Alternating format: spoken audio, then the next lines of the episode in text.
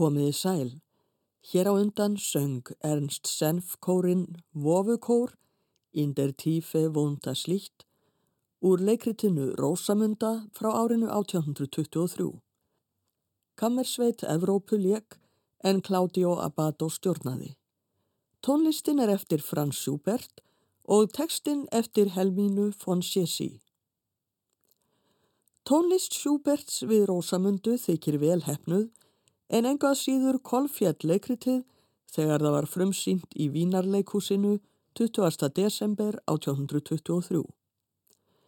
Um þetta er getið í flestum æfisögum Schuberts sem út hafa komið og yfirleitt fylgir það sögunni að leikrit Helmínu von Sjessi hafi verið svo einstaklega lélegt að jafnvel tónlist Schuberts hafi ekki getað bjargað því.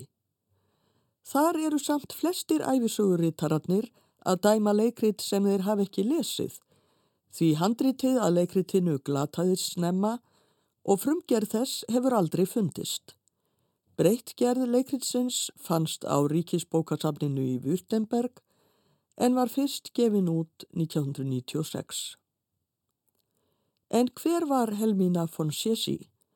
Hún tengist fleiri tónsmíðum og þessi þáttur verður helgaður skáldkonunni Helmínu og tónlist henni tengdri en þar má nefna óperuna Euriante eftir Weber og söngverkið Hyrðirinn á Hamrinum eftir Schubert. Helmína fættist í Berlín 27. janúar 1783 og var skýrð Vilhelmíne Kristjane von Klenke. Hún var dóttir prúsnesks herfóringja Karls Friedrichs von Klenke og konu hans Caroline Louise en þau voru skilin þegar Helmína fættist og lilla stúlkan ólst að miklu leiti upp hjá ömmu sinni. Móðir Helmínu orti ljóð og móður amma Helmínu var virt skáldkona Anna Louisa Kars. Helmína tók móður sína og ömmu sér til fyrirmyndar og byrjaði ung að yrkja. 16 ára gömul giftist hún en skildi við mannsinn árið eftir. Skilnaður var alls ekki sjálfsæður á átjándöld og það er nokkuð aðteglisvert að hjónabönd Helmínu, Karolínu móðurennar og önnu Lúísu ömmuennar enduðu öll með skilnaði. Anna Lúísa fekk skilnað fyrst hvenna í Prúslandi árið 1745. Eftir lát móður sinnar árið 1802 fluttist Helmína til Parísar og starfaði sem fréttaritari fyrir Þísk blöð.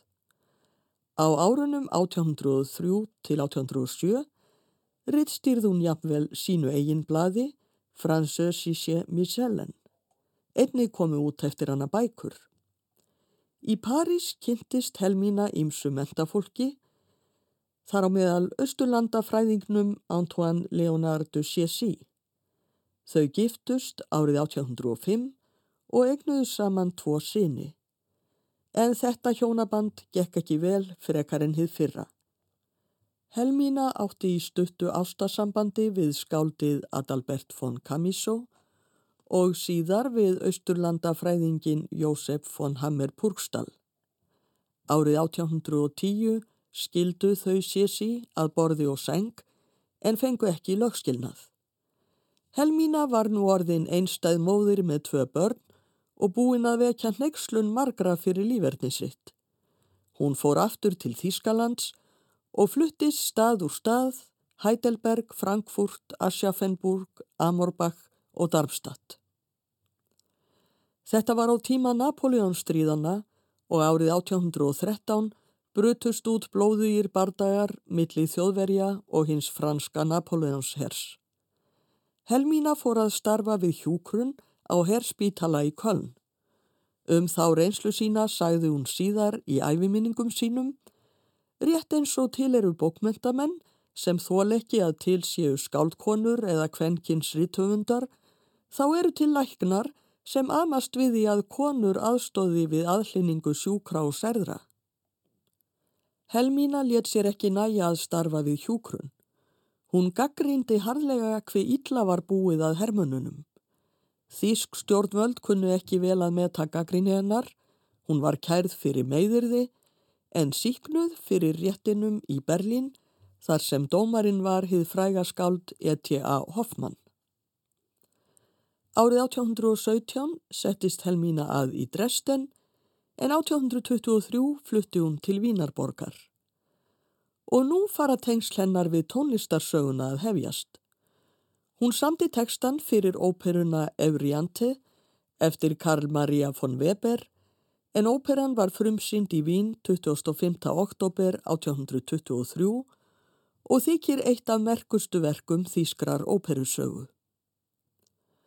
Óperan gerist á miðöldum Hinn fagra og digðuga Euriante er unnusta Adelmars greifa en annar greifi, Lísiart, er fullur afbríðsemi og ákveður að steipa elskendunum í glötun með klækjum.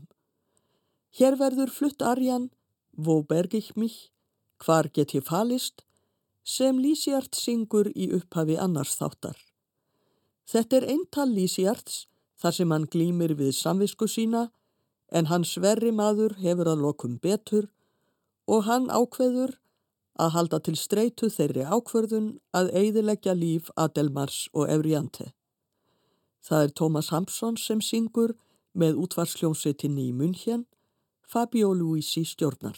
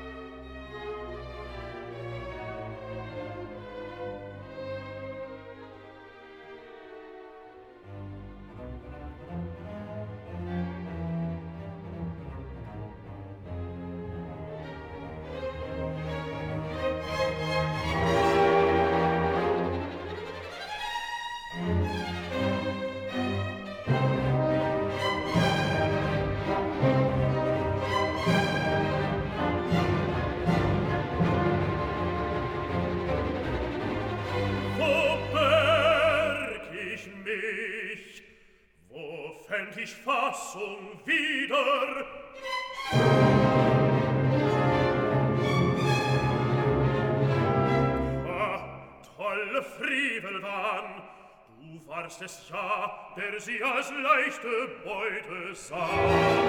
Ihr Felsen stürzt auf mich hernieder, du Widerhall, ruf nicht das Ach des hoffnungslosen Strebens nach. Nie wird sie mein, o oh, ew'ger Qualen Hüter,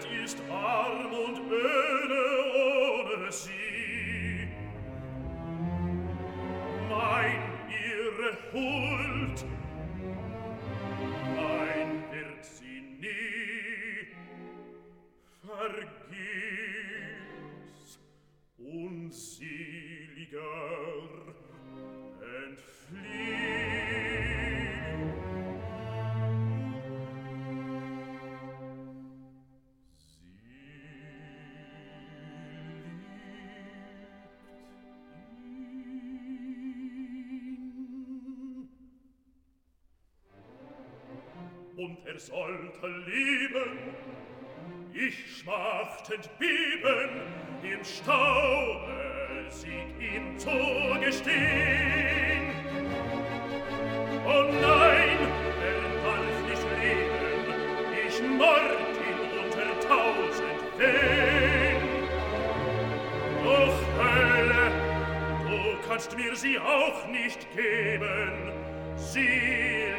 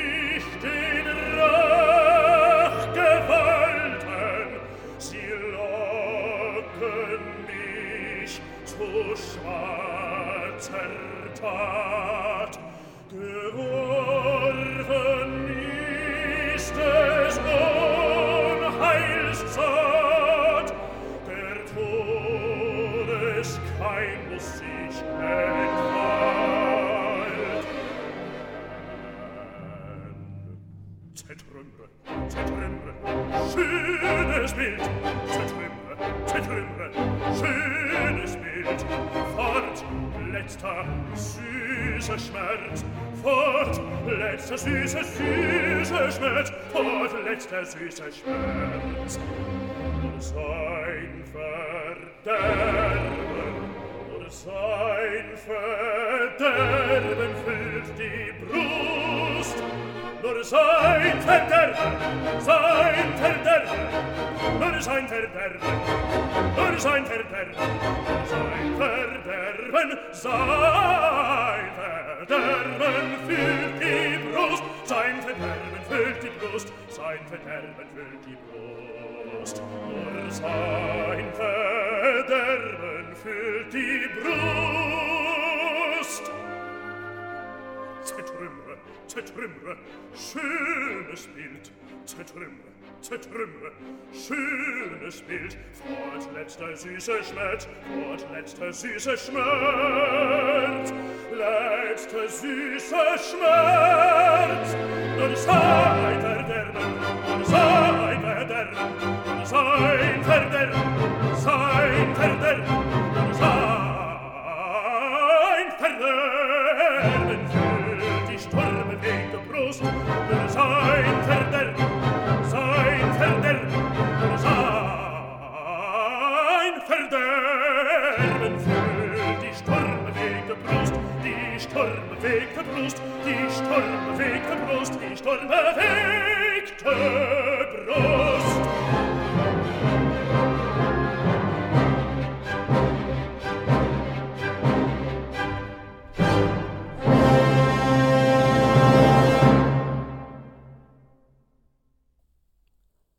Thomas Hampson söng aríuna Wo berg ich mich úr óperunni Euriante eftir Karl Maria von Weber við texta eftir Helmínu von Siesi.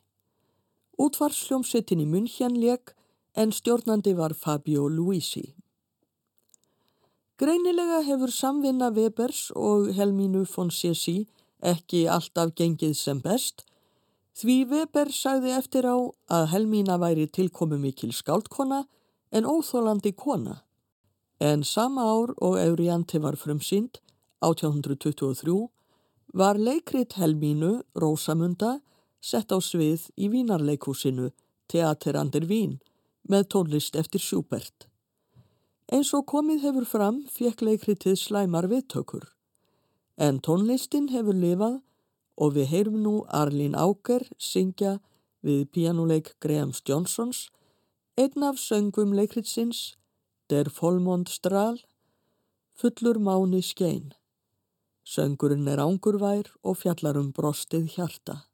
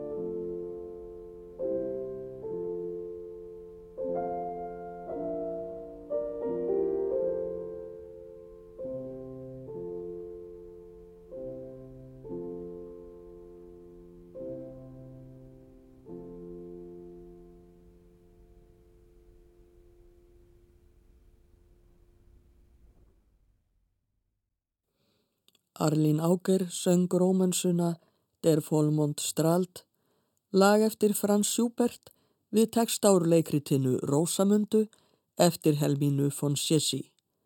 Pianoleikari var Graham Johnson. Þó að upprunalegur texti leikritsinn sé glataður er vitað að það fjallaði um fyrsta dótturina Rósamundu sem er sett í fóstur og alin upp sem smalastúlka. Það er fósturmóðir Rósamundu, Aksa, sem syngur söngin sem við heyrðum, der Fólmond Strald. Þegar Rósamunda vex úr grasi, reynir hún að endur heimta fyrstadæmið, foreldrarinnar eru látnir og hún er réttborinn erfingi. Hinn ylli Fulgentíus beitir hins vegar öllum bráðum til þess að bæja Rósamundu frá völdum. Allt fer þó vel að lokum og Rósamunda sest í hásætið. Við heyrum nú lag eftir Sjúbert við Hyrðakór úr leikritinu Rósamundu. Söngurinn hefst á orðunum Hýr átt em flúren, hér á engjunum.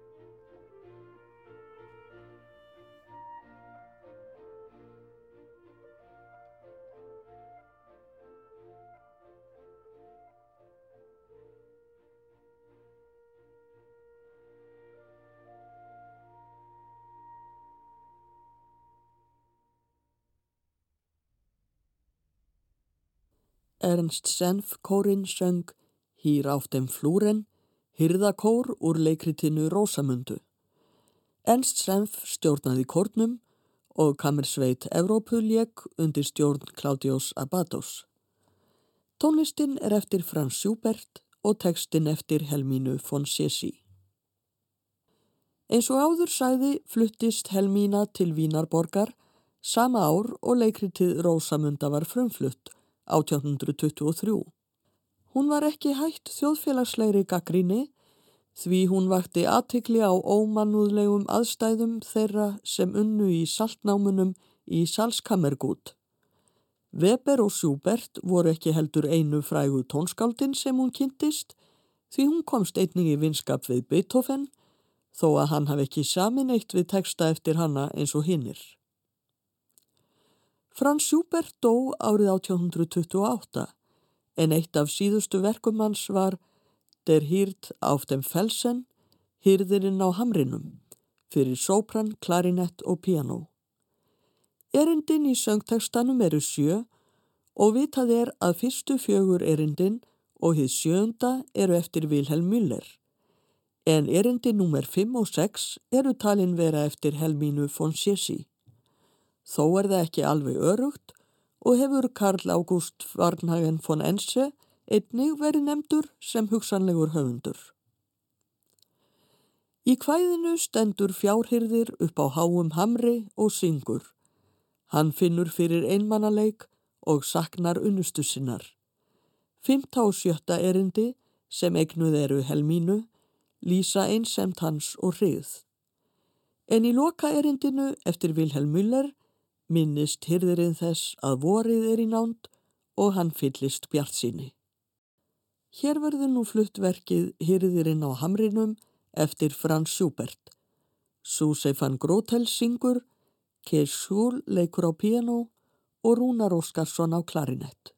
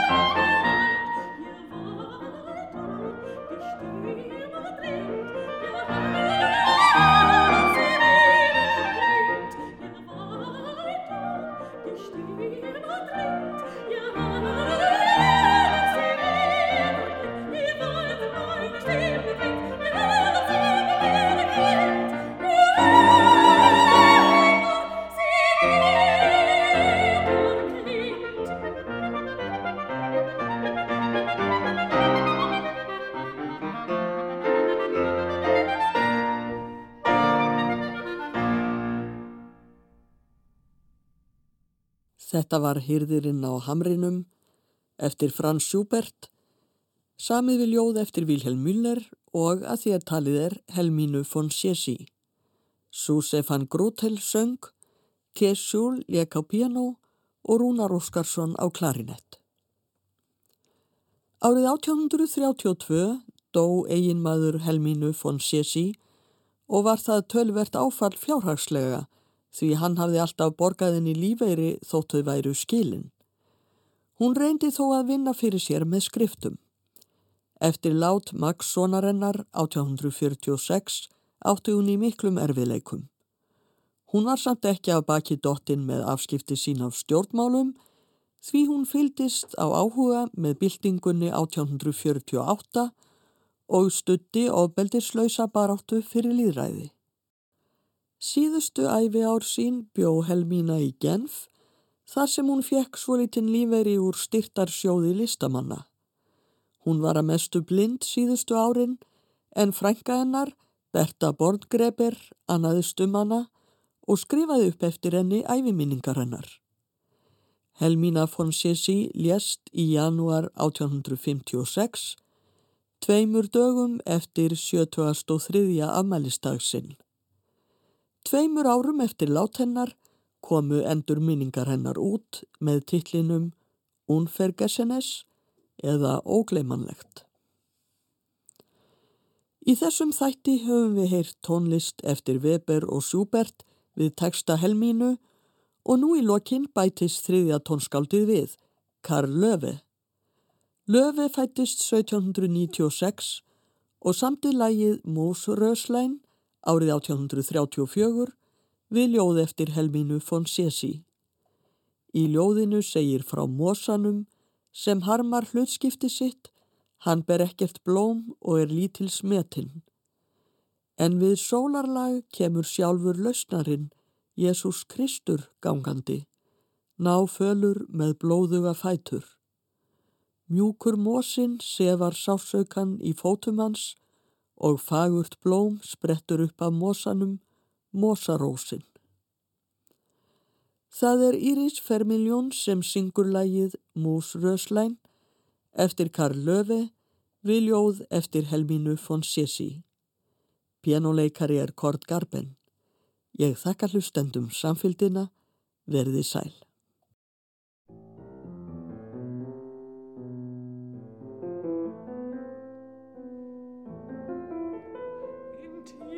der Schlucht in Waldesschoß entsprossen aus Grün.